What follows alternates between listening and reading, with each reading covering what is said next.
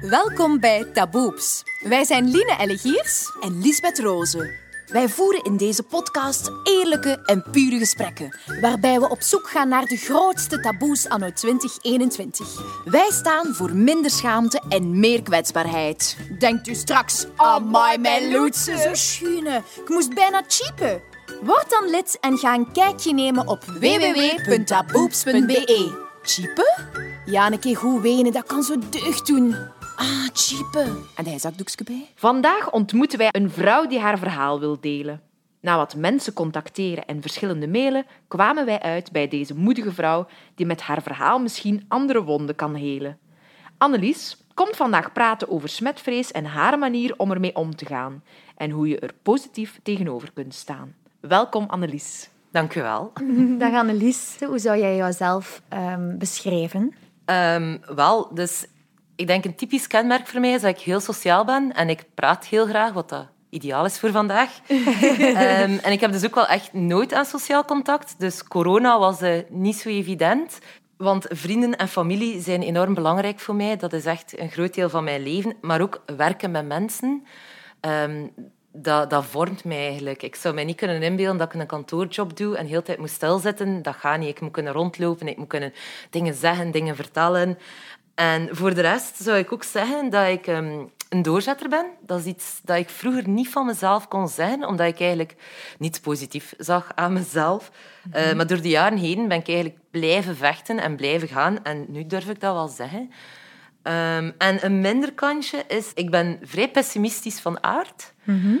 um, vooral naar mezelf toe. Naar anderen ben ik heel mild en kan ik heel veel empathie tonen, maar niet naar mezelf toe. Maar dat is ook iets waar ik aan het werken ben. Dus ja, met tijd en boterham zal dat wel beter. Amai, zo'n mooie beschrijving van uzelf. Wow, uitgebreid. Amai. Als in, dat is zeer moeilijk. We hebben dat vandaag er nog over gehad met een klas jongeren. Uzelf beschrijven is, is iets wat dat wij niet vaak doen. Of vaak is dat dan, ik ben actrice en dat ja, is mijn job. We en... de feiten weer. Ja. Ik ben zo oud, ik woon daar. Uh... Dus dank u. Dank u om zo Mooi, een gedaan. brede uh, Ik hoop dat het voldoende was. Zeker en Alles vast. is goed. Wat doe jij van job? Um, van job, dus momenteel werk ik enkel op vrijwillige basis, overal. En uh, ik werk dus in het UZ Gent. En daar begeleid ik samen met professor Lemke Leijman en dokter Tant mm -hmm. um, eigenlijk patiënten met OCD. Yes. Uh, wij hebben specifiek groepen voor OCD. In het UZ is het eigenlijk ook een dwangkliniek. En daar um, geef ik exposure- en responspreventietherapie. En ik werk ook mee uh, met de ergotherapeut om eigenlijk speciaal ergotherapie te ontwikkelen op de mate van mensen met OCD. Okay. En verder geef ik daar ook psycho-educatie, dat is dan ook en mijn herstelverhaal vertellen. Oké. Okay. Okay. Mag ik dan al direct vragen wat dat OCD is, waar dat, dat voor staat? Um, OCD is dus eigenlijk ja, de Engelse term, dat is Obsessive Compulsive Disorder. In het Nederlands is dat OCS, um, Obsessive Compulsieve Stoornis. En dat is eigenlijk hetzelfde als dwangstoornissen. En vroeger stond dat eigenlijk gekend als een dwangneurose. Okay. Uh, maar dat is een term die eigenlijk niet vaak meer gebruikt wordt. Meestal spreekt men van OCD of dwangstoornis. Omdat dat een negatieve bijklank heeft? Ik denk dat wel. Neurose, dat... Ja. Zelfs het woord stoornis en ziekte is eigenlijk iets dat wij uit de weg gaan. Ja. Um, wij spreken eigenlijk van een psychische kwetsbaarheid. En dat is niet enkel bij OCD, maar dat is eigenlijk bij iedereen die iets heeft van een kwetsbaarheid. Hadden nu een depressie of bipolaire stoornis, dan spreken wij van een psychische kwetsbaarheid. Want stoornis en ziekte, dat weegt gewoon heel zwaar door. Als je zegt, ik heb een stoornis, mensen kijken naar u van, allee, jij bent zot. Mm-hmm. Terwijl dat eigenlijk niet zo is. Um, vandaar dat we wel echt aan het infiltreren zijn van we spreken van een psychische kwetsbaarheid. En ja, verder werk ik ook nog dus voor um, VZ2 Uilenspiegel en daar geef ik dus les um, aan toekomstige ervaringsdeskundigen. Um, en ik geef daar ook de lotgenotengroepen, eigenlijk specifiek voor mensen met OCD, van Gent. Uh, normaal gezien gaat dat live door, hier in het Vredeshuis, uh, maar nu is dat via Zoom. En wij hebben eigenlijk mensen van over heel Vlaanderen die ja. deelnemen momenteel. Dus... Fantastisch. Ja. Ik, heb, ik, ging, ik ging zeggen, moedig dat je hier zit vandaag om met ons te praten, maar ik heb het gevoel dat je het onderwerp al heel bespreekbaar aan het maken bent. Um, is dat omdat dat nog een groot taboe is? Um, ja, het is een groot taboe en ook onbekend. Eigenlijk, mensen weten niet goed wat dat het is. Um, we hebben natuurlijk wel een stereotyp beeld van mensen die smetvrees hebben en controledwang, maar het is zoveel meer dan dat. En ook zelfs binnen de geestelijke gezondheidszorg is dat eigenlijk nog soms heel vaak moeilijk te diagnosticeren. bij mij is dat ook, ja, denk, 14 jaar geduurd voordat ik eigenlijk de juiste diagnose gekregen heb. Ehm, Amai. en gemiddeld denk ik dat ongeveer 11 jaar is voordat er de juiste diagnose wordt gesteld bij de meeste mensen met OCD. Er wordt heel vaak gekeken van, ah, het is een depressie, het is een borderline. Uh, psychose wordt ook heel veel gezegd. Dat hangt een beetje vanaf welke kwetsbaarheid dat je juist hebt binnen de OCD. Ehm, dus ik wil dat gewoon bespreekbaar maken en tonen dat het ook kan. En dat er momenteel al veel meer opties zijn qua hulp zoeken. Want toen ik initieel mijn diagnose had, dat, kon ik eigenlijk nergens terecht. En hoe oud was je dan? 24. Dat is mijn diagnose gesteld geweest. Maar ja, je kon er ook niet meer naast kijken. Allee, bij mij was het gewoon heel duidelijk. Nu zit ik hier heel op mijn gemak in een stoel. Mm. Toen was dat gewoon niet mogelijk. Dat, dat, dat was gewoon geen optie. We vragen dat ook direct af. Hè. Wij vroegen ons dat ook af. Hoe kunnen we het daar zo evident mogelijk maken? Wij weten dat ook niet. Ja. Het is dus soms moeilijk voor de omgeving om ja, precies te weten wat dat het beste doet als iemand bij u komt of zo. Dus wij, wij, wij, wij stelden gewoon de vraag van kunnen wij u op uw gemak stellen, maar dat is misschien niet altijd het beste. Dat helpt niet. We noemen dat als helpen niet helpt.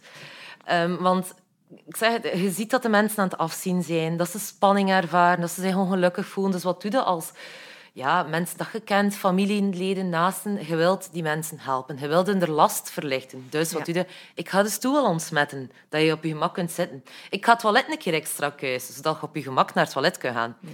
Maar uiteindelijk, wat zorgt dat ervoor, is dat jullie de dwang mee in stand houden. Dat is meedwangen. En dat helpt op lange termijn niet. Dat gaat op korte termijn inderdaad voor die persoon de spanning misschien wel wat naar beneden halen. Maar dat gaat ook niet blijven. Want je gaat altijd meer en meer moeten doen om de spanning van die persoon eigenlijk te kunnen laten zakken. Mm Tot op een punt dat je eigenlijk kunt komen dat de persoon zelf niets meer kan. Bij mij was dat zo. Ik kon op een gegeven moment zelf niets meer ontsmetten, omdat ik te angstig was van alles. Dus mijn moeder ontsmette alles. En als ik zeg alles, dan bedoel ik ook alles. De stoel, de zetel, mijn gsm, de haardroger, de chauffage waar de handdoeken op hangen, de rand rond mijn bed. Echt alles. Um, bijvoorbeeld een, een, andere vorm van meedwangen dat heel veel mensen niet beseffen, is eigenlijk geruststelling geven. Um, bijvoorbeeld als ik zeg, oh, heb ik mijn handen al gewassen? Ja, ja, heb je handen gewassen. Ik heb het gezien.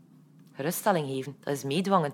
Je stelt die persoon gerust dat hij al die actie heeft uitgevoerd. Nee, je gaat niet ziek worden. Ja, de stoel was proper. Ik heb het gezien. Dat mocht je eigenlijk allemaal niet zeggen. Want mensen met OCD vertrouwen vaak niet meer op hun eigen zintuigen. En we moeten dat echt weer leren. En het is pas door ons bloot te stellen aan die dingen dat we pas mhm. terug gaan vertrouwen van zie je wel, er is niets gebeurd. Ik heb misschien op een vuile stoel gezeten. Twee dagen later, ik ben niet ziek. Um, het zit in zoveel kleine, kleine dingetjes. Het zijn eigenlijk twaalf punten. Maar dat is misschien ook te uitgebreid om dat allemaal op te noemen. ja, maar wel interessant. Amai, wow, ik was aan het denken, oké, ik heb dat gedaan, ik heb dat gedaan. En eigenlijk heb ik mee Ja, eigenlijk is dat meedwang. Maar ik ga eerlijk zijn, ik schiet mijn eigen nu ook in mijn voet. Ik weet, als ik bij vrienden ga, ik vraag dat niet, maar ik weet dat ze voor het toilet een keer extra poetsen. Ja, ja. En mijn psychiater zegt dan, ja, maar ja, Annelies, je weet dat, maar je zegt ook niet dat ze het niet mogen doen. Hè? En ik zeg, ja. ja, nee. of zo mensen die voor mij de deur open doen. Ik ben zeer geniepig in het treuzelen totdat iemand de deur open doet. Mensen staan er niet bij stil. Die denken gewoon van, allee, waarom doet hij niet door? En hup, die doen de deur open. En dan denk ik van, haha, ik heb geen klink moeten aanraken. En dan stap ik weg. En ja, dat is eigenlijk niet goed. Dat zijn allemaal vormen van meedwangen. Maar dat is, meedwangen is heel geniepig. Wij dwangers, wij zijn geniepig soms om, ook om geruststelling te vragen. We kunnen dat zo manipuleren dat je het eigenlijk niet doorhebt dat je ons geruststelling geeft. Um, en, en, is het dan beter om gewoon te zeggen, Annelies, doe even de deur open? Ja, eigenlijk moeten ze zeggen van doe jij maar de deur open. Um, en dat klinkt heel hard. En ook geruststelling. Bijvoorbeeld, ik heb ook controledwang en ik stuur dat soms naar mijn broer van mijn huis gaat afbranden, ik ben het zeker. En hij antwoordt gewoon niet. Terwijl ik zie dat hij het gelezen heeft. Of dan stuurt hij een hartje. Ah, ik word daar zo kwaad van. Ik weet dat dat goed bedoeld is. En dat is heel lief van hem dat hij mij helpt. Maar op dat moment word ik daar kwaad van. Als mensen mij niet willen geruststellen of als mensen mij niet willen helpen. Ja, exact. Maar dat is ook een proces waar dat je door moet. En, ja, en dat ook de familie psycho-educatief moet ingelegd worden. Want je doet dat zo snel zonder dat je het eigenlijk door hebt. Ja, want ik kan me ook inbeelden dat mensen die dat niet weten en waar je dan tegen zegt je mag niet meedwangen, dat dat dan soms ook wel botst of hard aankomt. Want mensen denken, ja, maar dat was toch met goede bedoelingen. Ja, en we benadrukken dat ook wel. Van, je doet dat omdat je die persoon graag ziet of omdat die belangrijk is in je leven. Of gewoon omdat je het iemand comfortabel wil maken. Je doet dat met de beste bedoeling. Maar als je de theorie erachter niet kent, kan je ook niet weten dat je iets verkeerd doet. En we proberen dat wel te benaderen. Van, het is niet jullie schuld van de familie, de naasten. Het is ook niet de schuld van de dwanger dat wij dat vragen aan de familie. Dat is onze psychische kwetsbaarheid die dat eist van ons, dat wij dat eisen van andere mensen. Dat is niemand zijn schuld en niemand doet daar kwaad mee. Maar we raden wel aan, eenmaal dat, dat je ervan op de hoogte bent, dat je erop let. Ja. Ehm, automatisch geef je soms geruststelling zonder dat je, zonder dat je het beseft. Het is zo snel gezegd. Dus ja, ook bij smetvrees, hoe je het, je bloed gaat laten trekken bij de dokter. Als je denkt van, ik heb schrik dat ik aids heb, en dan denk je, ja, maar ja, binnen drie maanden ga ik mijn bloed gaan laten trekken bij de dokter en dan weet ik het. Geruststelling. Gaat je resultaten in, dan van de dokter. Je ziet, ik ben niet besmet met HIV. Hup, geruststelling gekregen. Maar voor hetzelfde geld ga je binnen twee maanden weer terug naar de dokter en zeg je, ga je alsjeblieft weer mijn bloed trekken. Ik heb weer die geruststelling nodig. De maand erachter is het weer is het binnen de maand. En zo ga je op een duur elke week naar de dokter om je bloed te laten trekken. Het is nooit genoeg, de geruststelling. We gaan blijven meer en meer en meer vragen. En daarom is het belangrijk dat, dat jullie niet meedoen. Oké. Tuurlijk, dat is iets dat universeel zou moeten geweten zijn. Dat is allemaal nieuw voor mij. Ja, ja, absoluut. absoluut. Ehm, dan ga je er veel bewuster mee om. OCD, Annelies. Wat zit daar allemaal onder? Ehm, ja, dat is dus een heel ruime benaming. Maar eigenlijk ehm, spreken we van vier toch heel ja, grote stukken. En eigenlijk één daarvan is symmetrie, de nood aan symmetrie. Eh, mensen die alles rechtleggen in hun huis, eh, die alles naast elkaar leggen, twee handdoekjes. Ehm, de andere is controle. Ehm, mensen met controledwang, dat is vaak rond mijn huis gaat afbranden. Ehm, is de deur op slot? Gaat er niemand inbreken? Dus mensen gaan ook twintig keer checken. Is mijn deur dicht? Is mijn deur dicht? De knoppen van het vuur rechtzetten. Ehm, verboden gedachten, magische dwang. Dat is iets dat zeer weinig erkenning nog krijgt, denk ik, omdat dat ook niet zo zichtbaar is. Ehm, dat zijn eigenlijk gedachten van de harming thoughts, noemen we dat. En dat zijn ook vaak verboden seksuele gedachten. Ehm, dat zijn dus mensen die denken van ik ga iemand vermoorden. Ik, ga, ik, ik ga misschien iemand verkrachten als ik op straat loop. Ehm, maar ja, spreek daar maar een keer over dat je denkt dat je iemand gaat vermoorden. je, z- je kunt dat niet zeggen tegen iemand. Mensen die geen messen meer durven gebruiken in hun eigen huis, omdat ze denken dat ze er een man of eender wie iets gaan aandoen. Dus mensen die niet meer in de buurt durven zijn van, van kinderen of dergelijke, dat gebeurt allemaal. Ehm, of die niet meer bij vrouwen willen zijn, die geen lift willen delen met iemand. Dat, dat zijn allemaal dingen die wel gebeuren. En dat is wel... Magisch dwang is een zeer moeilijke... Persoonlijk moeilijk om oefeningen ook voor te vinden, omdat dat heel moeilijk te vatten is. En dan hebben we natuurlijk nog degene waarvoor dat ik hier zit, smetvrees. Ah ja, dus dat zit wel onder Dat OCD. zit, OCD ja, ja, ja, dat zit sowieso onder OCD, maar je hebt er natuurlijk ook redelijk wat varianten op. Smetvrees is altijd een dwangstoornis. Oké. OCD zijn dwangstoornissen en smetvrees valt onder een dwangstoornis. Oké. Maar het gaat niet altijd samen met dwanggedachten. Ehm, er is zoiets binnen de OCD dat we eigenlijk benoemen als the just not feeling right.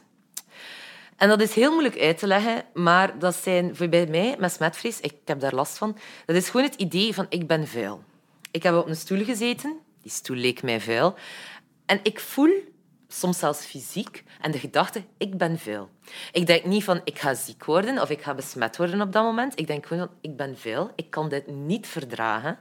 Waardoor dat ik handelingen begin te staan, zoals ik ga mijn kleren wassen, ik ga mij douchen. En het is pas een keer dat die spanning van dat gevoel van dit voelt niet goed, zakt, dat eigenlijk de angst en de spanning ook gaat zakken. En je kan een combinatie hebben van beide, zoals ik heb een combinatie. Ik heb dus de angst om ziek te worden. En dan, vooral bij mij is dat vooral ger- gericht op kanker krijgen en besmet worden met HIV.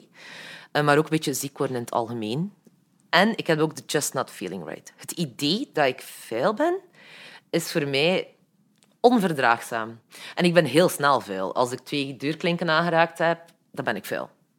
Zo voelt Ja. dat. En uw lichaam kan er ook fysiek op reageren. Like bij mij, ik, ik krijg dan overal jeuk. En zeker in mijn haar. Ik weet niet waarom. Maar dan krijg ik enorm veel jeuk. Maar dat is ook... Ik wil niets aanraken met mijn handen. Ik krijg jeuk in mijn haar. Mensen zonder psychische kwetsbaarheid, die krabben. Maar ik kan dat niet, want mijn handen zijn vuil. Ik, ik ken ook mensen die zeggen van...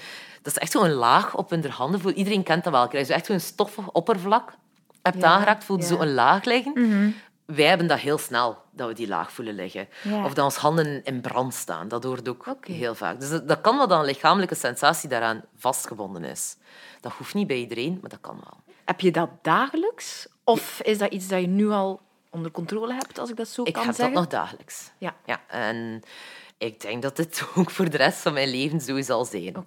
Ehm, het is gewoon de manier hoe ik er nu mee omga. Nu komt dat op in mijn hoofd, dat moment van, oh, van ik ben veel, oh, deze is echt niet aangenaam. En dan laat ik dat gewoon los. Dan doe ik gewoon verder met wat dat ik bezig ben. En dat, dat is heel goed mogelijk dat dat binnen een uur weer in mijn hoofd schiet van ik ben veel, ik heb er op een tram gezeten, ik heb er op een stoel gezeten. En dan doe ik gewoon verder. Dat is eigenlijk de- het idee. De gedachten kunnen we niet controleren. Ja. En dat maakt het natuurlijk ook zo moeilijk. Dat is ook met de gedachte van ik ga ziek worden. Ik denk nog dagelijks, ik ben besmet, ik ben ziek, ik heb HIV. Dat komt nog dagelijks in mijn hoofd. Als ik op straat loop, iedere keer als ik een vuilbak passeer, denk ik van een vuilbak, oh nee, een vuilbak. En dan weet ik van geen rondje rondlopen, gewoon doorlopen. En- Maar dat, is ook, dat vraagt veel moed. Ja, maar dat is vooral oefening, Ja. oefening, oefening Ja. en oefening. Ja. Ehm, en die oefeningen zijn hard. Ja. Ik denk dat dat... Ja, het is echt lastig, die oefening. Ik heb er echt van afgezien.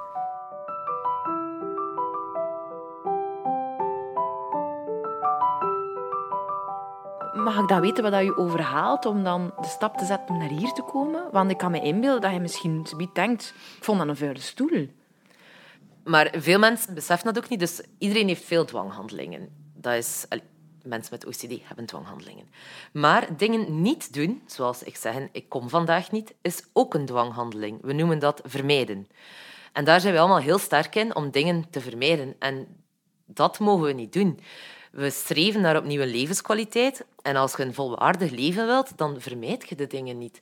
Dus ik ben hier vandaag ja, oké. En de kans is heel groot als ik straks thuis kom en ik ga in mijn zetel gaan zitten, dat ik toch even denk van, oh nee, nu zit ik met die vuile kleren in mijn zetel en dit is echt niet aangenaam. Maar ik ga blijven zitten, omdat ik weet, binnen tien minuten is die gedachte voorbij. Ik weet ook, als ik mijn kleren ga afdoen en ik moet die morgen terug aandoen, ik ga mijn eigen ook verplichten om die kleren morgen terug aan te doen. Dat is ook een oefening. Ja, behalve als het echt veel zijn. Als ik nu echt zeg van ik stink naar het zweet of zo, dan ga ik wel verse kleren. Dit zijn vers, een verse broek van vanmorgen. Dus ik ga morgen die broek weer aandoen. Dat is heel belangrijk, want stel dat ik dat niet doe, dan is dat opnieuw vermijding. Soms, soms moet je ook wat overdrijven. Bijvoorbeeld, ehm, ik, bij mijn ouders thuis, die zo een radiator staan. En als ik mij afdroog uit de douche, ik kom daar niet graag tegen. Ik ben daar vies van. Ik weet niet juist waarom, maar het is wat. En ehm, dan denk ik soms van... Oh, Annelies, je bent die radiator zo... Zij die weer in bochten aan het wringen om daar niet tegen te zitten. Ja, dan ga ik er expres tegen gaan staan, hè. Mij er keer goed gaan tegenduwen. Amai. En ik vind dat niet leuk, hè. Chic, ja. Maar ik vind dat echt niet leuk en dat is nog altijd... Allee, Dat, dat, is- dat vraagt nog altijd wel wat overtuigingskracht. Hè. Maar ik weet dat ik daar deugd van heb, om het zo te zeggen. Ja, Ehm, maar ik denk dat dat enkel mogelijk is door oefening en mensen rondom u te hebben die het u voortonen. Wat dat er vaakst is, wordt aanbevolen ehm, om mee te starten, is eigenlijk wat dat wetenschappelijk bewezen is dat helpt, waar ik ook mee geholpen ben, is exposure- en responspreventie. Ehm, dat is een gedragstherapie en wat dat eigenlijk ja, inhoudt, is dat wij ons geleidelijk aan gaan blootstaan aan de dingen die ontspanning geven. Ehm, dat zijn bijvoorbeeld dingen van de grond oprapen en daarna je handen niet wassen. Ehm, ja, gaan zwemmen en u daarna niet specifiek wassen. Zo die dingen. En ehm, de responspreventie houdt eigenlijk in dat we dus na die oefeningen niet reageren. Dus ik ga mijn handen niet gaan wassen. Ik ga gewoon een sigaretje gaan roken op mijn gemak, want dat is wat ik anders ook zou doen. Ik ga nu mijn boek lezen en mijn boek vasthouden met mijn handen die zogezegd vuil zijn. Maar, en ik ga ook mijn boek niet ontsmetten daarna. Zo allemaal heel... En als we die oefeningen opstaan, dan zijn we daar wel heel duidelijk in. Van nu mag je twee uur je handen niet wassen. Of je mag je handen niet wassen totdat etenstijd is, want dan is het normaal. Of als je naar het toilet bent geweest, dan is het verantwoord om je handen te wassen. ja. Ehm, maar natuurlijk, met corona is dat wel niet allemaal zo evident meer. Maar bij mij was dat dus zo dat er eigenlijk heel concrete afspraken werden gemaakt van wat mag wel en wat mag niet. ik weet nog mijn allereerste oefening bij mijn psychiater, eh, bij mijn psycholoog in het Als je bij de psycholoog zit, staat er altijd zo'n doos met zakdoekjes, want ja, veel mensen wenen daar. En ehm, ik heb uit die doos een zakdoekje moeten nemen en ik heb dat heel de sessie moeten vasthouden. Maar dat was een propere zakdoek, het was recht uit de doos. Ik heb dat heel de sessie moeten vasthouden en daarna mocht ik gecontroleerd één keer mijn handen wassen. Oké. Ik heb vier uur in paniek gezeten daarna. Um, echt al wenend, omdat ja, je mag niet toegeven. Hè. En, en, dan ga je naar de verpleegpost en dan zeg je van ik voel mij niet goed. Wat, wat moet ik doen? Ik weet niet hoe ik hiermee mee omgaan. En wij zeggen altijd surfen op de golf. Mhm. Angst komt, angst stijgt, maar angst daalt ook weer. En dat is perfect mogelijk als dat gedaald is, dat dat binnen een uur weer terugkomt. En dan ga je weer moeten surfen op die golf. En zo bouw je dat eigenlijk op naar dingen die intenser zijn. Um, bijvoorbeeld mijn naansteker op de grond smijten, oprapen, in mijn zak steken en mijn handen niet wassen. Zo die dingen. Um, een van de ergste voorbeelden voor mij was toch... Um, ik moest leren dingen van de grond oprapen. Ook buiten heb ik daar heel veel last mee. Dus mijn psycholoog in de tuin van TUZ... Kom, Annelies, geef mij al uw bezetting dat in uw zakken zetten en we gaan dat op de grond mee. Ik zei, ja, oké, oké. En het was daar Finse looppiste. En ik had ook gezien dat ze zo'n stuk peperkoek mee had, maar verpakt. En ik dacht van, oh nee, ze had dat hier verpakt op de grond smijten. Ik ga dat moeten open doen en opeten. Ja, nee, het was net iets erger. Um, ze heeft het eerst uit de verpakking gehaald, op de grond gesmeten en ik heb het moeten opeten. Ja. Amai. Ik moet ook wel zeggen, dat zij zo oefeningen, je moet dat niet... Dat heb ik niet moeten herhalen. Hè. Ik heb niet elke dag een stuk peperkoek van de grond moeten opeten, maar dat is gewoon ook om te bewijzen van... Je hebt dat gedaan. Ja. We zijn vijf dagen later. Ah, je wordt niet ziek. Er is nog altijd niets. Mm -hmm, en wat ik ook heel belangrijk vond, mijn psychologe deed altijd mee. Dus zij heeft ook peperkoek van de grond opgegeten. Ah ja, oké. Mijn psycholoog heeft nog zwembadwater gedronken voor mij. Zo echt zo'n kommetje naar handen en hup, zwembadwater om te tonen dat alles oké is. Ik weet nog perfect dat ze zei, nu ben ik lekker ontsmet van binnen. dat ze dat zwembadwater gedronken had. Oh, um, sterk. En dat doe ik dus eigenlijk ook met mijn, met mijn patiënten in het Wij gaan dus op ronde en wij oefenen. Um, is dat nu voor smetvrees? Voor het, wat wij heel vaak doen voor smetvrees, is alles aanraken dat we tegenkomen. Maar echt alles. Ik knuffel de muur, ik knuffel deuren, ik raak radiatoren aan, klink, uh, klinken. je kunt ze zot niet bedenken, ik heb er al aangekomen. Schakelaars, um, alles. En dan vegen wij eigenlijk ons handen af aan ons kleren. En zo breiden we dat eigenlijk uit. Uh, we werken ook met een angsthierarchie. Dus mensen, als ze toekomen bij ons, moeten ze eigenlijk opschrijven van 0 tot 12. Waarvoor dat ze minst schrik hebben, is 0. En waarvoor dat ze meest schrik hebben. En dan beginnen we eigenlijk bij 0. En dan bouwen we op. En hoe ben je eigenlijk gestart dan met die therapie? Is dat uit jezelf? Of heeft er iemand samen met u echt moeten zeggen... Oké, okay, Annelies, nu is het genoeg. Het is te overduidelijk. Je moet naar? Of... Dat is um, heel confronterend. En natuurlijk, het beeld dat mensen ook hebben van de psychiatrie ja, het is niet goed. Hè? En zeker als je een opname moet. Ik was ook al op een punt dat... Ik had al heel veel psychologen bezocht op eigen initiatief, want ik was vrij suicidaal. Ik heb moeten stoppen met school. Ik ben terug bij mijn ouders moeten gaan wonen. Um, ik had al verschillende therapeuten, maar echt van alles geprobeerd. Acupunctuur, homeopathie, psychologen, psychiaters, medicatie. En op een gegeven moment was ik eigenlijk zodanig slecht. Ik kwam niet meer buiten. Ik kon ook amper nog neerzetten als niets ontsmet was. Ik um, begon ook niet meer te eten. Ik kon gewoon niet meer. Ik was ook onleefbaar om mee samen te leven. Mijn mama moest mij instoppen in bed, omdat ik... Um, ik waste mijn handen voordat ik ging gaan slapen en dan wou ik eigenlijk niets meer aanraken. Dus dan ging ik in bed gaan liggen met mijn handen naast mijn hoofd. Maar ik wou niets meer aanraken. Dus mijn mama dekte mij, die mijn steken over mij, zodat ik er niet meer moest aankomen. En voor mij was het keerpunt eigenlijk... Ik stond in de douche en eh, mijn washandje was op de grond gevallen. En ik kon het niet oprapen. En ik kon dat washandje niet meer gebruiken. En ik kon me niet meer wassen. Dus ik zat gewoon volledig vast in de douche. En ik heb een half uur moeten staan roepen naar mijn moeder. En dan ben ik daaruit gekomen en ik zeg van mama, ik denk echt dat ik hulp nodig heb. En dan is zij eigenlijk beginnen rondbellen. Want wat doe je normaal zien bij psychische kwetsbaarheden? Je gaat naar de huisarts. En de huisarts verwijst je door. Ik kon niet meer naar de huisarts. Ik kon niet meer buiten komen. Ik kon niets. Ik kon amper nog buiten komen. Laat staan dat ik binnen zou gaan in een huisartsenpraktijk. De, het mekka van alle besmettingen In mijn hoofd dan toch. Uh, terwijl het eigenlijk nergens zo proper is, denk ik, als bij de huisarts. Maar... Dus ik kon dat niet. En dan is mijn mama eigenlijk beginnen rondbellen van... Ja, mijn dochter is... is ik nog altijd wenen aan de telefoon, terwijl ze aan het bellen was. Van, mijn dochter is zwaar ziek en wij weten niet meer wat we moeten doen. En dan ben ik eigenlijk in mijn eerste opnamesetting terechtgekomen. En dan ben ik daar een jaar gebleven. Um, maar omdat ik weinig vooruitgang ondervond, heeft mijn broer eigenlijk beginnen rondbellen van misschien moet ik er ergens anders gaan luisteren. Is een tweede opinie gaan vragen. En dan heb ik een paar psychiaters gezien die allemaal zeiden van ja, wij kunnen u eigenlijk niet helpen. Het is te erg. En hoe oud was u toen ongeveer? 24, 24, 25. En dan zeiden ze mij van het is, het is te erg. Wij, wij kunnen u niet helpen. Amai. Totdat er één psychiater heeft gezegd van ik kan u niet helpen, maar ik ken wel iemand. En dan heeft zij eigenlijk het, eh, een nummer doorgegeven van mijn psychiater nu in het UZ. En dan ben ik eigenlijk in het UZ Gent terechtgekomen.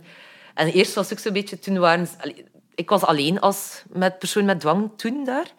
En het was ook zo eerst wat afweging van... Ja, wat, wat gaan we doen? En er zitten misschien ook nog wel wat onderliggende problematieken. Want mensen met dwang hebben heel vaak last van comorbiditeit. Dus vaak last met emotieregulatie, um, vaak ook last van depressie. Ja, je wordt gewoon super depressief mm. als, je, als je leven beheerst wordt daardoor. Ja. Maar dan hebben ze mij nog naar één ergens anders um, doorverwezen initieel. En dan ze ook gezegd van, ja, nee, wij kunnen u niet helpen. Je moet eerst van u een dwang af. En dan is eigenlijk beslist in het van, wij gaan er alles aan doen om u te helpen. Amai. Gelukkig. ja. Maar ik ben dus niet... ik hoor dit verhaal nu minder en minder, omdat er meer komt. Maar ik ken lotgenoten die nog veel langer onderweg zijn geweest om eigenlijk de juiste hulp te vinden. Die soms echt een, een leidensweg hebben ondergaan totdat ze eigenlijk op de juiste plaats zijn terechtgekomen. Dat is wel ja, jammer. Ja, ja, dat is jammer.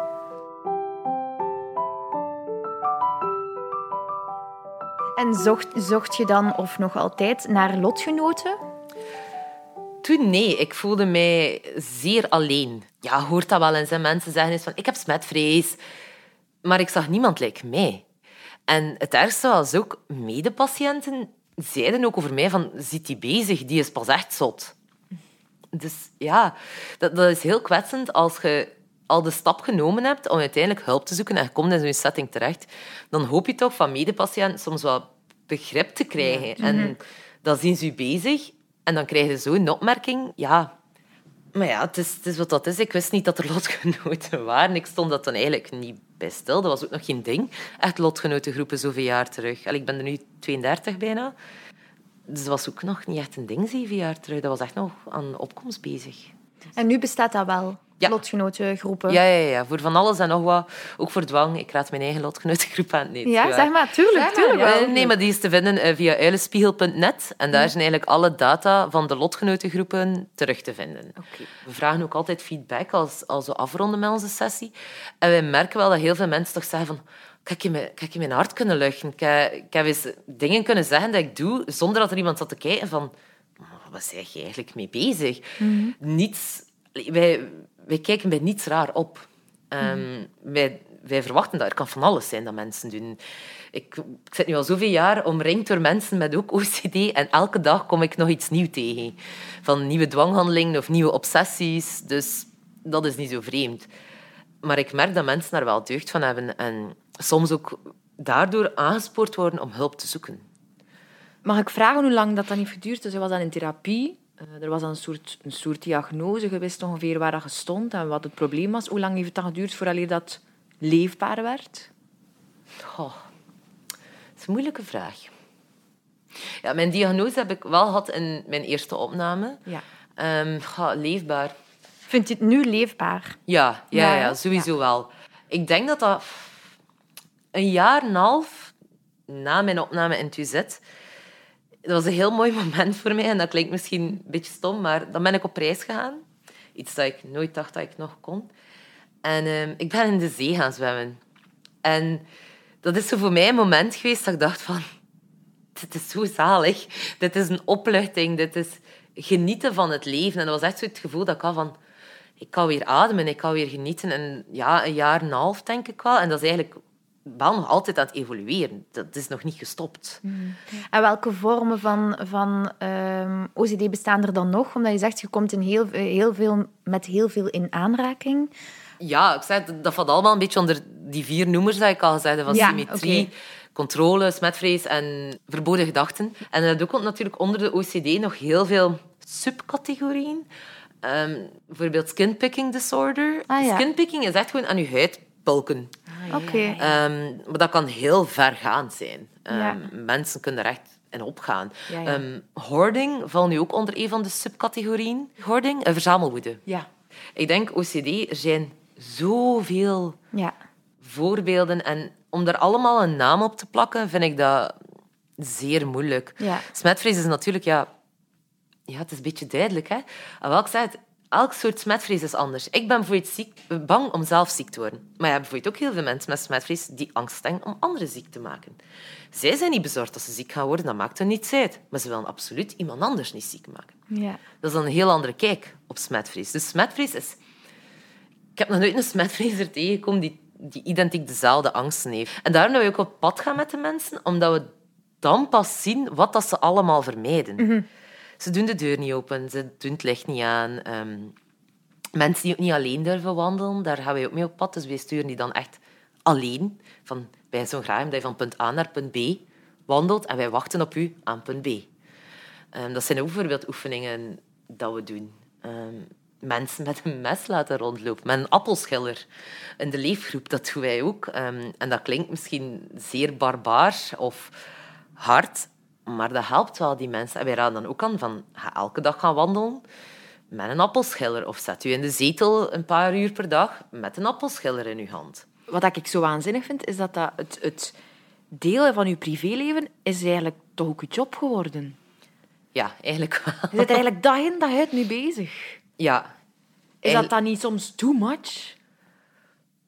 De ene dag wel, de andere niet. Ehm, ik deel natuurlijk op mijn werk. Ik geef al vaak voorbeelden van hoe ik dingen ervaren heb. En dat heeft dan niet enkel met smetvrees te maken. Dat heeft therapie in het algemeen. Van hoe heb ik de therapie beleefd? Hoe heb ik ehm, stigmatisering beleefd? En dat deel ik dan wel, maar eenmaal dat ik op pad ben met die mensen, draait dat niet meer rond mij. Eh, ik wil die mensen helpen en kop op en we doen dit gewoon. De voldoening dat het geeft als je dan mensen naar het einde van hun traject ziet, zoveel openbloeien en weer kunnen genieten van het leven en die echt zeggen, dank u wel. Dat, doet zoveel, dat- dat maakt het allemaal waard. Dat Ja. is... Ja, ik zou het echt niet anders willen. Ik had nooit gedacht dat ik dit traject ging bewandelen, maar ja, dat is dankzij mijn psycholoog ook dat ik er uiteindelijk mee gestart ben. Dat zij zei van, Annelies, zou ik je, je herstelverhaal niet willen komen delen voor de groep? En zo is dat altijd maar uitge... En dan ben ik met mijn psychiater mee geweest naar de studenten geneeskunde om eigenlijk mijn verhaal te vertalen, om huisartsen te leren hoe ze een diagnose moeten stellen rond OCD, omdat dat ook nog te weinig gebeurt. En op die manier ben ik daar zo een beetje ingerold. Supermooi. Is dat een periode geweest dat hij je schaamde voor het feit dat je dat had, die kwetsbaarheid? Ja, op, op eh, meerdere vlakken. Gewoon mij bezig zien op straat was al iets dat schaamte opwekt. Dus niet alleen bij mij, maar bijvoorbeeld ook mijn, vriend, mijn toenmalige vriend. Ik zag dat echt, dat hij soms beschaamd was van hoe ik gewoon liep. Ik liep echt in, in, in bochten rond mensen, in bochten rond vuilbakken. En dan zie de mensen kijken van, wat is die nu aan het doen?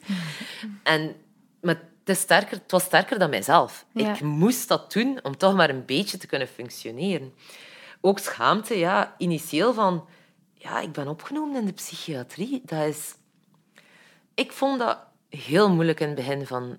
Ik ga naar de psychiatrie. Dat is, dat is heel beladen. Hè? Mensen hebben er nog zo'n stereotyp beeld van. Als, als mensen denken aan de psychiatrie, dan denken ze aan de film eh, One Flew Over the Cuckoo's Nest met Jack Nicholson. Ja. Oh, mooie En- film wel. En vastgebonden worden op een bed en opgesloten worden in isolatiecellen. En ja, daar schaamde ik mij al over. Van, ik ga in de psychiatrie zien. Ik ga nooit meer een normaal leven kunnen en mensen gaan dat nooit aanvaarden. En het is jammer genoeg een feit dat sommige mensen dat gewoon niet aanvaarden. Eh, mensen bekijken nu echt als zot. En dat is een heel grof woord. En niemand die in de psychiatrie zit, zou dat mogen gezegd worden. Het is een psychische kwetsbaarheid. Wij kunnen daar niet aan doen. We hebben daar niet voor gekozen. En als jij nu problemen hebt met je schildklier, ga je toch ook naar een ziekenhuis? Als je diabetes hebt, ga je toch ook naar een ziekenhuis om je te laten behandelen? Het is net hetzelfde dat ik met mijn smetvrees. Of dat je met een depressie of met een burn-out naar een psycholoog of naar een ziekenhuis gaat.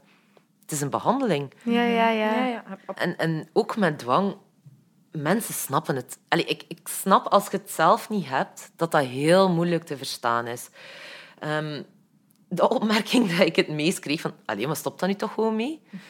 Allee, waarom stopte jij daar nu niet mee? Het is zo gemakkelijk, gewoon niet meer doen. Ja. En dan denk ik van... Denkt u nu echt, als dat mogelijk was, dat ik dat niet al lang had gedaan? Allee, ik vind het niet leuk, voor alle duidelijkheid. Want ik weet het nog, ik... ik ehm, waste mijn handen extreem vaak. Ik, sto- ik heb het ene keer geteld en ik stond 164 keer per dag aan de, aan de lavabo. Maar dan moet je dan rekenen dat dat minimum drie keer was tot iedere keer een veelvoud van drie. Dus ik was sowieso één keer drie keer, voelde dat niet goed. Was dat zes keer, voelde dat niet goed. Was dat negen keer. Waardoor ik soms ja, een uur aan de lavabo kon staan, eigenlijk mijn handen wassen. Maar als gevolg dat mijn huid en mijn handen eigenlijk volledig kapot was. Mijn opperhuid was zwaar beschadigd. En eh, in het ziekenhuis zeiden ze van ja, dit kan niet meer. Jij moet naar een dermatoloog. En die dermatoloog zei ook van ja, ik heb dit nog nooit gezien. Waarom stopte niet gewoon met je handen wassen? En ik was zoiets van, oh nee. Moet ik dit nu weer gaan uitleggen dat, dat dat geen optie is? Want het was zodanig erg dat ik soms zat te wenen van de pijn. Omdat mijn handen zo kapot waren. En toch goot ik er nog puur alcohol over. Constant. Dus ik waste ze zoveel, maar dan goot ik er ook nog constant puur alcohol over. Ken je dat gevoel nu? Zeker iedereen gebruikt ontsmettingsalcohol. Ja. Als je wondje net en ontsmet je aan, hoe dat, dat pikt. Oh, Annelies, ja. Beeld je in dat je handen eigenlijk ja, rauw, rauw vlees zijn. En dan giet je daar elke dag ja, 50 keer puur alcohol. Ze begonnen ook gewoon spontaan soms te bloeden. En Hoe daar- kunnen mensen dan beter reageren? wat dat voor mij altijd geholpen heeft, is gewoon luister. Dat je het niet begrijpt, ça va. Dat, dat snap ik volledig. Als je het niet hebt, kun je het niet 100% begrijpen, denk ik dan ook. Maar zijt er gewoon voor die persoon. Ja. Ehm, luister, en ik denk, een van de mooiste dingen dat een verpleger ooit tegen mij gezegd heeft, was van... Ik was gaan zeggen tegen hem na een oefening van ik ben zo slecht, ik zit vast in mijn hoofd, ik, ik ga ziek worden, ik ga sterven. En dan zei hij van, ik weet niet wat dat het is en ik weet niet wat dat ik moet zeggen om het beter te maken, maar ik ben er en ik ga luisteren.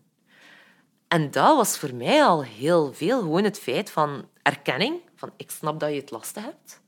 En ik ben er voor u. Je kunt op mij steunen.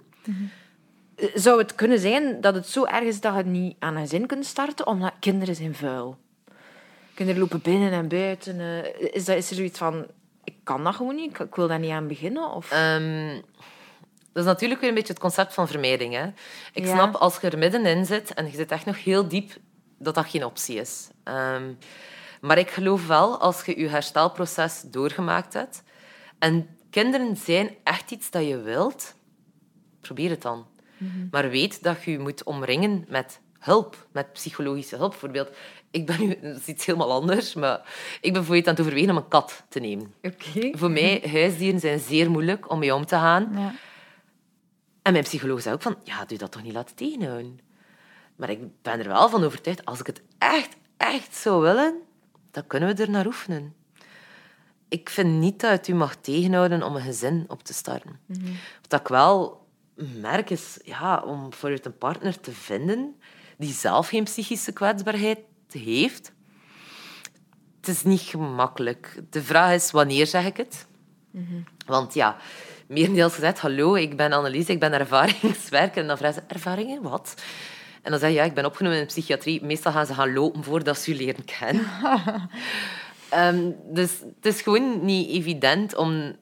En je moet ook mensen wel waarschuwen. In mijn, ra- in mijn laatste relatie heb ik ook gezegd van, kijk, ik heb een probleem. En dat is niet altijd even gemakkelijk om daarmee om te gaan. En misschien moet je wel wat informeren van hoe kan ik er op een juiste manier mee omgaan. Mijn psycholoog zei ook van, misschien moet je meekomen. Kunnen we even samen praten wat dat je Ja, kunt doen. Dus dat zit er natuurlijk wel wat in, want er is ook een realiteit. Dit gaat waarschijnlijk nooit weggaan. Ik zal voor de rest van mijn leven gevoelig zijn voor smetvrees. Ik zal voor de rest van mijn leven controle, gevoelig zijn voor controle. En dwang verschuift ook. Hè. Daar zijn ook heel veel mensen zich niet bewust van. Dwang verschuift naar andere. Als we aan het werken zijn aan het ene aspect, kan het andere zwaarder worden.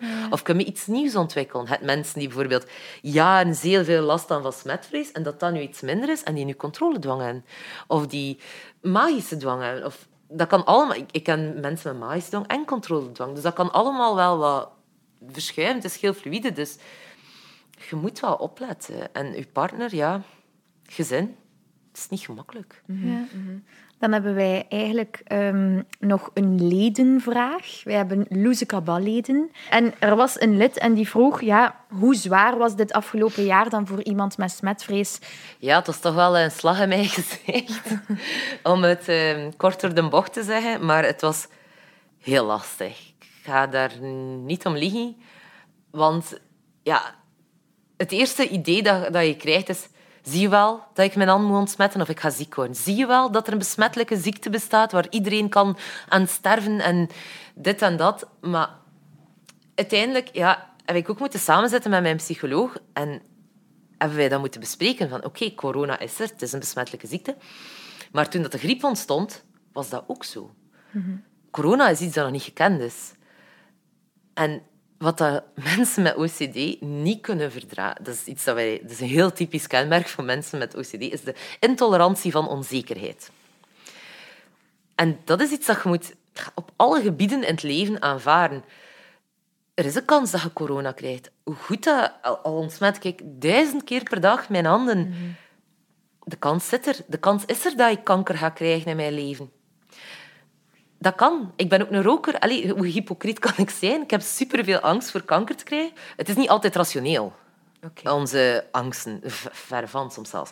Dus dat is perfect mogelijk dat ik superveel schrik heb om kanker te krijgen, maar ik rook. Maar ik leg dat verband niet, initieel. Omdat roken voor mij iets is dat mij rust brengt. En, en wat dat ook wel heel typisch is, wij weten dat het niet rationeel is. Wij weten van, mijn huis gaat niet spontaan afbranden omdat ik eens niet naar mijn fornuis gekeken heb. Wij weten dat wel, maar zet ons op het moment in de angst, dan, kunnen wij daar, dan zijn wij niet voor reden vatbaar op dat moment. Maar zijn wij daar een beetje uit, dan beseffen we al van, allee, wat zijn wij nu eigenlijk mee bezig? Ik heb tegen een vuilbak gelopen. Ik ga geen HIV en van tegen een vuilbak te lopen. Hè. En ik wil ook nog gewoon even zeggen, de angst dat ik zoveel schrik heb voor HIV, dat is, dat is ook zo wat schaamte. Dat is niet dat dat stigmatiserend is. Ik wil niet de mensen die effectief HIV hebben stigmatiseren. Dat heeft daar niets mee te maken. Ehm, want dat is ook iets van heel veel schaamte. Mensen zeggen van ja, ik mag dat niet zeggen, want mensen gaan denken dat, ik- dat ik niet van mensen die HIV-positief zijn, dat ik daar niets moet van weten. Nee, nee, nee. Dat heeft daar niets mee te maken, voor alle duidelijkheid. Want wij zijn...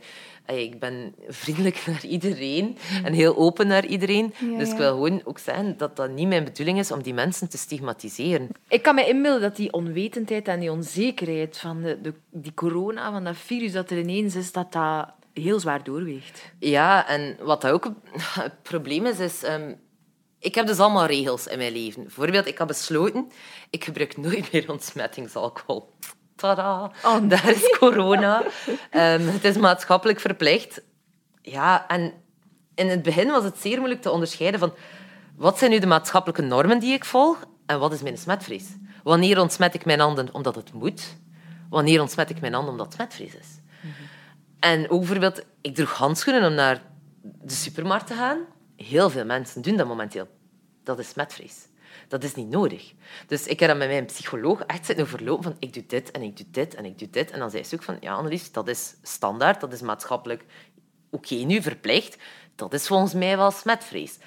Ehm, wat dat ik natuurlijk wel doe, daar ben ik mezelf heel bewust van, ik hou mij wel heel sterk aan de regels.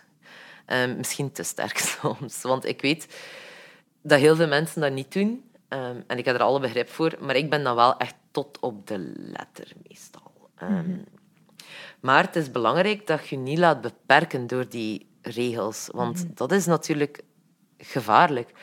Ge- ehm, ja, dat ze zeggen, je mag niet meer naar buiten, zo weinig mogelijk buiten komen. Voor mensen met smetvrees, ideaal, hè? Je moet niet meer naar buiten, Ja. perfect. Maar eigenlijk is dat niet goed. Nee. En ik heb mijn eigen ook echt moeten verplichten van, nu ga ik elke dag naar buiten. Ik ga ook nog gaan lopen zonder mondmasker.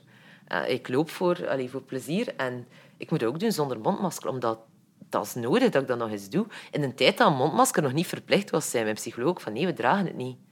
Het is niet verplicht, dus we doen dat niet. Ehm, maar het is wel het is heel lastig. En wat dat ik ook wel aanraad, wat zeer moeilijk is, natuurlijk de, de nieuwsfeiten, wat dan wel ietsjes geminderd is. Maar de nieuwsfeiten en de nieuwsartikelen vlogen nu om het hoofd van zoveel besmettingen en zoveel doden en dit en dat en dat variant en dat variant. Blijf daar een beetje van weg. Ehm, Lees niet elk artikel over hoeveel besmettingen er zijn. Ik ga niet, als ik een, kop, een artikel kop zie passeren en het gaat over corona en het is niet iets dat ik direct moet weten, dan lees ik het niet. Dat is de kat bij de melk zetten, zo'n dingen lezen. Al van die dingen. Ik denk ook nog om de zoveel tijd dat corona. Ik ga er eerlijk in zijn. Om de twee dagen ben ik besmet. Ehm, als je echt oprecht, maar wees eerlijk met jezelf. Als je echt oprecht denkt dat je ziek bent, verleg dat dan met iemand die je vertrouwt, die eerlijk gaat zijn. Maar bel niet direct naar de dokter. Want het probleem is, als, je, als je een dokter je niet goed kent... Als ik nu bel naar mijn dokter en ik zeg van... Ah, mijn keel lijkt wat pijn ik heb een druk op mijn borst. Ja, 9 op de 10 heb ik een coronatest aan mijn been.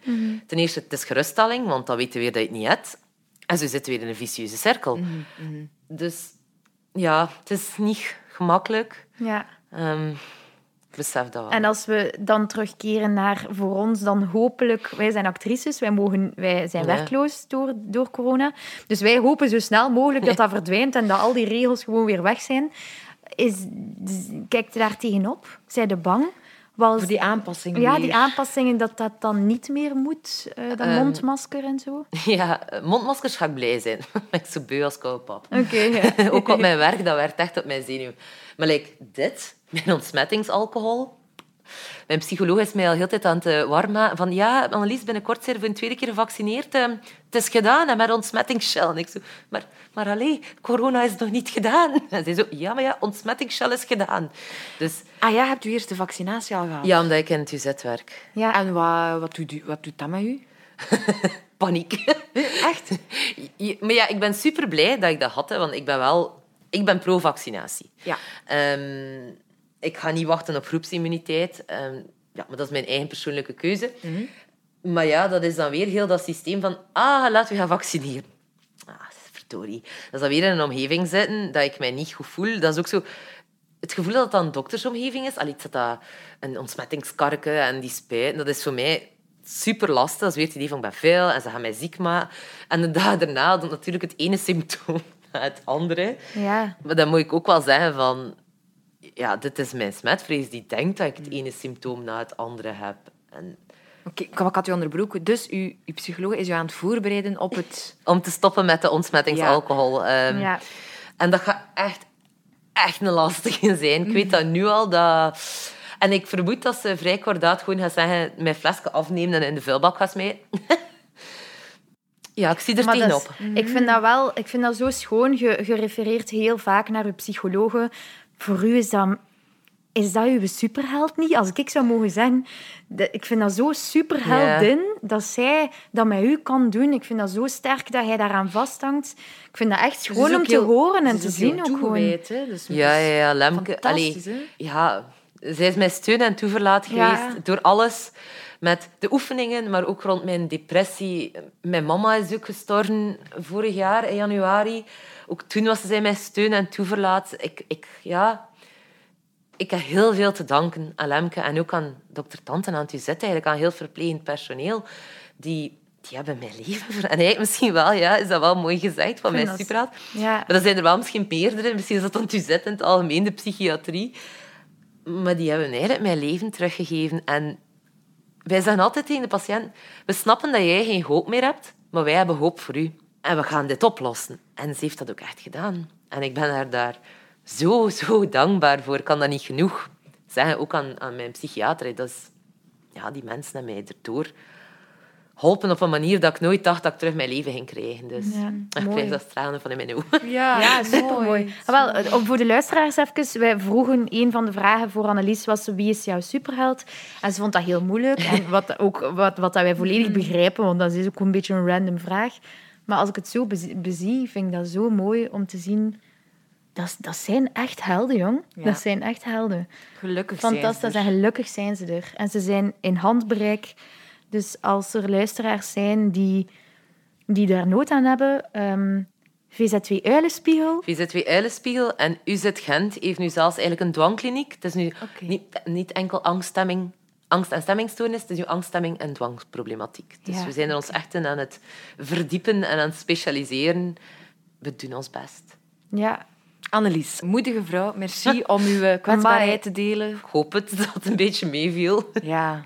Ja. En dat mensen er iets aan hebben. Dat zou ik het fijnst vinden. En blij. Ik ben blij dat ik dit gedaan heb. Dank u voor de uitnodiging. Dank u, dank u Oh, wel. geen merci. Merci, merci, merci. Bedankt om te luisteren naar Taboeps. Vond het vreewijs? Volg ons en deel het op Instagram en Facebook. En zeg het aan al uw vrienden. Wij kunnen alleen maar groeien door uw steun. Dus koop een t-shirt of word lid van onze community. En krijg zo de kans om vragen te stellen aan gastsprekers of om uw verhaal te delen. Meer info op www.taboeps.be.